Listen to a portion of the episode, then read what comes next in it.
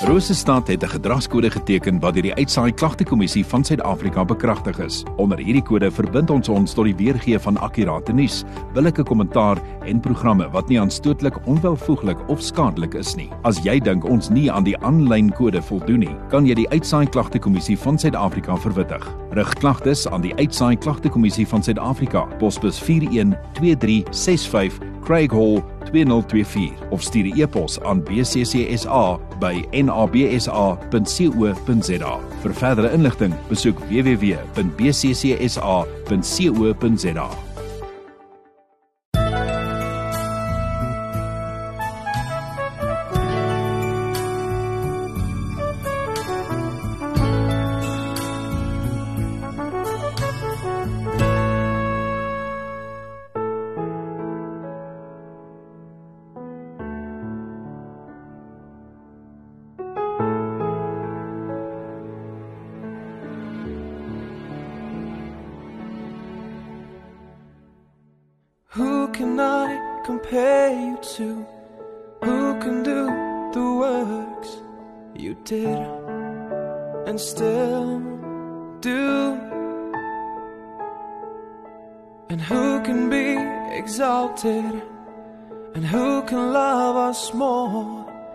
you do?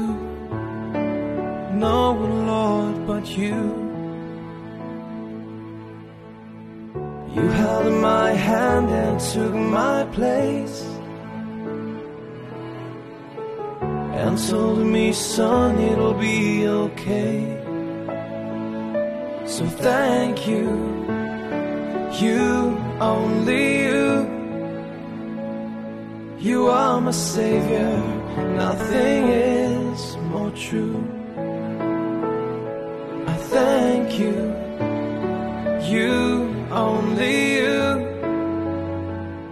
I give my life and my heart for you.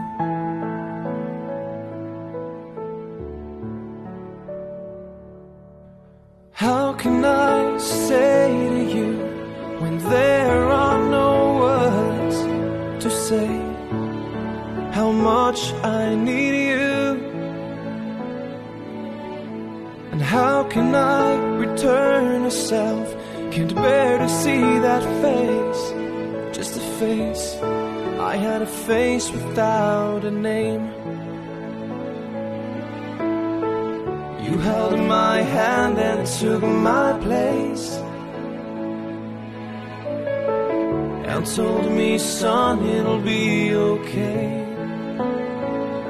So thank you, you only you. You are my savior, nothing is more true. I thank you, you only you. I give my life and my heart for you. Place the sun into the skies. You breathe the stars from side to side. Oh, how I need you in my life.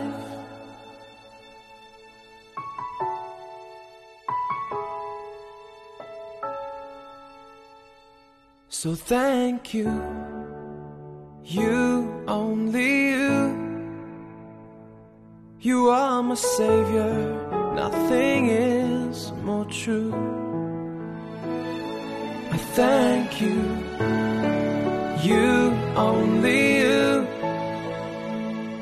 I give my life and my heart for you. I give my life and my heart only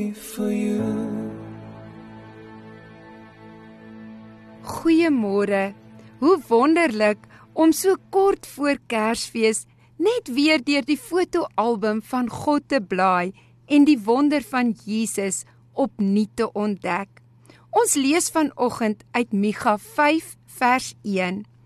En jy, Bethlehem Efrata, klein om te wees onder die geslagte van Juda, uit jou sal daar vir my uitgaan een wat 'n heerser in Israel sal wees en sy uitgange is uit die voortyd, uit die dae van die ewigheid.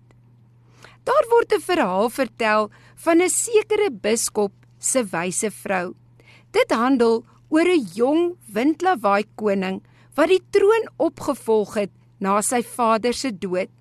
Hy het skaars die troon bestyg toe ontslaan hy al sy vader se raadgewers en adviseurs uit sy diens. Volgende was sy mes in vir die ou biskop en derhalwe het hy 'n boodskapper gestuur met 'n skrywe aan die biskop dat hy binne 3 dae na die ontvangs van die skrywe by die paleis moes aanmeld om die volgende 3 vrae te beantwoord. In watter rigting kyk God? Wat is ek, die koning werd? En wat dink ek? Sou hy nie die vraag kon beantwoord nie, sou hy dadelik ontslaan word. Die arme biskop was platgeslaan, maar sy vrou het hom kalmeer en gesê dat sy in sy plek na die paleis toe sou gaan. Toe die biskop se vrou in haar man se biskop gewaad by die paleis opgedaag het, is sy dadelik na die koning geneem. Laat ons onmiddellik begin, sê die koning. In watter rigting kyk God? Sy het kalm geglimlag en gesê: "U Majesteit, ek het eers vir u 'n vraag." Toe neem sy 'n brandende kers tot voor die troon en vra: "In watter rigting brand die kers. Jy kan mos self sien, het die verbaasde koning vererg geantwoord. Die kers brand in alle rigtings. Nou ja, het sy geantwoord, net so is God. Waar hy kyk, is daar lig. Hy sien alles oral. Sy heerlikheid vul die hele skepping. Uitstekende antwoord het die jong koning uitgeroep. Nou vir my tweede vraag, Wat is ek werd? 29 silwerstukke, antwoord die biskop se vrou sonder enige skroom. Die koning bars uit van die lag. Hoe onnosel kan jy wees, het hy uitgeroep. Ek besit goud en silwer, landerye, wingerde en koninkryke. Hoe durf jy my so beledig? Sy het rustig voortgegaan en gesê: Die Bybel vertel dat Jesus vir 30 silwerstukke verkoop is. U is tog nie meer werd as ons Here nie. Daarom het ek net 1 silwerstuk afgetrek om u waarde te bepaal, u majesteit. Die koning was stom van verbasing oor haar wysheid. Nou my derde vraag, het hy voortgegaan. Wat dink ek? Die biskop se vrou maak haar keel skoon en antwoord: "U Majesteit, u dink ek is die biskop, maar u is verkeerd." Toe haal sy die biskop mis van haar kop af en skud haar lang hare los. Die koning was uit die veld geslaan, maar het uitgebars van die lag en gesê: "Jy is 'n baie wyse vrou en daarom kan jy en die biskop aanbly in my koninkryk en ek onderneem om baie goed na julle om te sien. Die biskop se vrou het daarin geslaag om die koning se oppervlakkige denke uit te daag en hom tot dieper insig te lei. Die profeet Micha doen presies dieselfde met sy lesers. Die profeet word nie in uitgebreide besonderhede aan ons voorgestel nie. Daar word net gesê dat sy naam Micha is en dat hy van 'n klein dorpie Moreset so wat 40 km van Jerusalem afkomstig is. Micha beteken wie is soos die Here en die betekenis op sigself spreek boekdele. Micha kom daag ons denke en lewensbeskouing ten diepste uit. Hy laat die lesers in 3 rigtings kyk. Eerstens laat hy die mens boontoe kyk om God raak te sien. As 'n mens boontoe kyk, sien jy God in sy grootheid. Hy is die groot God voor wie berge smelt soos was. Hy is te gelykertyd ook die God wat intens betrokke is by sy volk en by sy kinders. Wat ons doen is vir hom belangrik. Hy is ook die God wat genade betoon en vergifnis skenk. Micha se naam sê dit alles. Wie is soos die Here? Tweedens laat hy jou na jou naaste toe kyk. Hy praat oor mense in die sakewêreld. Hy praat oor mense in die hofsaale waar daar regverdiglik en billik geoordeel moet word. Micha praat oor wat daar in die kerk gebeur. Hy praat oor materialisme in die samelewing. Micha laat ons sien dat in die werklikheid van hierdie lewe moet God se wil sigbaar word deur sy kinders. Ons moet die lewende Bybel wees wat die wêreld kan lees. Derdens, laat Micha ons hoopvol vorentoe kyk. Hy vestig ons hoop op 'n toekoms van blywende vrede wat onder 'n nuwe koning sal aanbreek. En jy, Bethlehem Efrata, klein om te wees onder die geslagte van Juda. Uit jou sal daar vir my uitgaan een wat 'n heerser in Israel sal wees. En sy uitgange is uit die voortyd, uit die dae van die ewigheid. Hierdie nuwe koning se verhaal begin nie in paleise of hoofstede soos deur sy tydgenote verwag nie. Sy verhaal het in die weiveld saam met die skape begin. Hulle was die getuies van sy koms. 'n Weiveld in Bethlehem, 'n klein rustige dorpie tussen golwende heuwels, die tuiste van skaapwagters, die land van vye, olywe en wingerdstokke. Nie oorvloedig nie, maar genoegsaam. Nie bekend in die wêreld nie, maar bekend aan God wat Bethlehem vir sy eie redes gekies het as die geboorteplek van sy eniggebore seun. Inderdaad uitverkore, deur God uitverkore, gesalf van bo, uitgesoek deur die hemel. Die profeet het sy roeping verkondig. Die skaapwagters het dit die eerste gehoor. Die seun van Bethlehem sou die koning van die heelal word. Ons wonder waarom God dan juis Bethlehem uitgekies het en nie die hoofstad Jerusalem as geboorteplek van Jesus nie.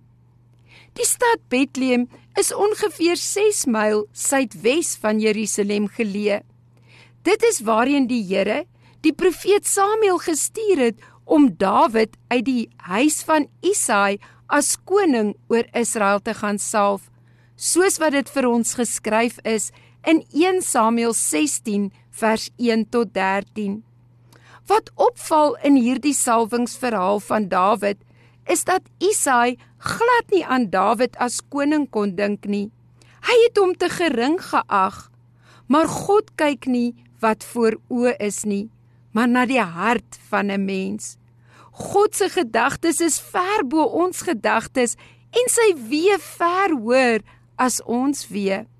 God kies Bethlehem bo Jerusalem as geboorteplek vir sy eniggebore seun, sodat ook die profesie uit Jesaja 11 vers 1 en 2 in vervulling kon gaan. Maar daar sal 'n takkie uitspruit uit die stomp van Isaai en 'n loot uit sy wortels sal vrugte dra en op hom sal die gees van die Here rus, die gees van wysheid en verstand die gees van raad en sterkte, die gees van kennis en van die vrees van die Here. In die Ou Testament was Bethlehem 'n baie belangrike stad. Dit was 'n vroeë Kanaanitiese nedersetting wat met die aardsvaders verbind is. Bethlehem is ook genoem Efrata of Bethlehem Juda. Dit is die eerste keer in Genesis 35 vers 19 genoem as die begrafplaas van Rachel, die gunsteling vrou van Jakob. Later het lede van die familie van Caleb hulle in Bethlehem gevestig, waaronder die seun van Caleb, Salma, volgens 1 Kronieke 2 vers 51, die stigter of vader van Bethlehem genoem is. Die Levitiese priester wat in die huis van Micha gedien het, was ook van Bethlehem afkomstig. Die treffende verhaal van Naomi, Rut en Boas uit die boek Rut speel ook in die stad Bethlehem af. Koning Dawid, die kleinseun van Rut en Boas, is gebore en grootgemaak in Bethlehem en daar het die helde van Dawid ook gewoon. Bethlehem is uiteindelik die stad van Dawid genoem as die simbool van sy groot dinastie. Dit het 'n belangrike strategiese en versterkte stad onder koning Rehoboam geword. Maar teen die tyd van Jesus se geboorte was Bethlehem egter net 'n klein dorpie van geen aansien of belang nie. Derhalwe wys Matteus, Lukas en Johannes vir ons daarop dat Jesus in die nederige stad Bethlehem gebore is. Dit hou vir my en jou 'n ryk erfenis voor. Aan die een kant werp dit vir ons die lig op die feit dat Jesus se tydgenote hom nie wou aanvaar nie, want 'n belangrike koning sou uit Jerusalem kom en nie uit die nederige Bethlehem nie. Maar aan die ander kant openbaar Bethlehem vir ons die hart van ons Vader. Bethlehem bring vir ons die versekering dat Jesus ons elkeen ken en verstaan. Hy verstaan die klein dorpie gevoel en ook die groot stad se druk. Hy het in die weivelde van Bethlehem tussen skape en skaapwagters gewandel, maar hy was ook in die paleise van die konings in Jerusalem. Hy is deur honger, verdriet en die dood in die gesig gestaar en daarom maak dit nie saak waar jy vanoggend is nie. Wees verseker Jesus was reeds daar. Jesus het een van ons geword. Hy het dit gedoen om ons almal te verlos. Bethlehem beteken huis van brood. En daarom is dit so sprekend van God se presisheid en perfeksie. Jesaja besing die alwetende alwysheid van God in Jesaja 46 vers 9 tot 11 wanneer hy skryf: Dink aan die dinge wat tevore was van ouds af dat ek God is en daar is geen ander nie. Ek is God en daar is niemand soos ek nie wat van die begin af verkondig die einde en van die voortyd af wat nog nie gebeur het nie wat sê my raad sal bestaan en al wat my behaag sal ek doen. Wat 'n roofvoël roep uit die ooste die man van my raad uit 'n ver land. Soos ek dit gespreek het sal ek dit ook laat kom ek het dit voorberei en ek sal dit doen. Uit die huis van brood kom die brood van die lewe, sodat elkeen wat daarvan eet sal lewe al het hy ook gesterwe. Ons kan tereg saam met Dawid juig en sing: U berei die tafel voor my aangesig teenoor my teestanders. U maak my hoof vet met olie, my beker loop oor. Die belangrike Latynse vertaling, die Vulgaat, die werk van die kerkvader Hieronymus wat in 405 na Christus voltooi is, kom volgens oorlewering ook uit die stad Bethlehem. Hieronymus beskryf sy roeping in 'n gebed as volg: Maak die paaie van vryheid voor my oop en laat my toe om met volledige vryheid daardeur te loop, vra ek U sodat die smarte en eensaamheid wat my siel verwoes het en wat die krag weggeneem het om vorentoe te gaan uiteindelik uit my lewe verwyder word. Volgens oorlewering uit die vroeë kerk het Hieronymus sy groot taak om die Bybel uit Hebreëus en Grieks in Latyn te vertaal gedoen by die dowwe liggie van 'n olielampie in die grotte agter die stal wat aangewys word as die moontlike geboorteplek van Jesus Christus. Daar in die donkerte van die grotte in Bethlehem het hy die lig wat vir ons die weg na Jesus wys met groot versigtigheid stukkie vir stukkie aan mekaar gelas sodat ons die uitnodiging van God uiteindelik oor eeue heen in moedertaal kon hoor. Wie is soos die Here, volmaak in heerlikheid, gedig in roemryke dade, die God wat wonders doen. Hoe kan ons nog twyfel? Hoe kan ons ooit wonder? Kyk na die Here onsse God en aanskou sy heilige heerlikheid. Uit Bethlehem, die huis van brood, kom vir die wêreld die brood van die lewe, soos Jesus dit self stel in Johannes 6 vers 51. Ek is die lewende brood wat uit die hemel neergedaal het. As iemand van hierdie brood eet, sal hy lewe tot in ewigheid.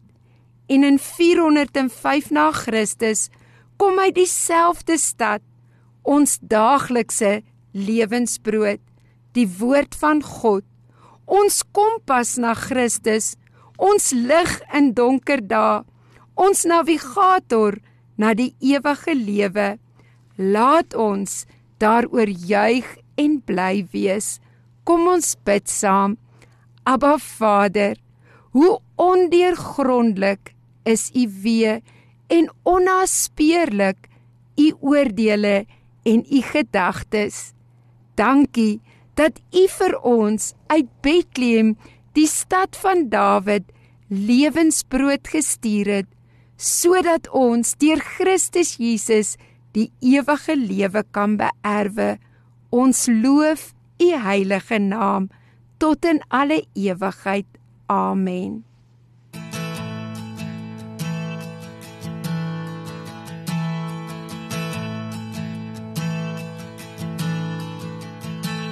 Oh,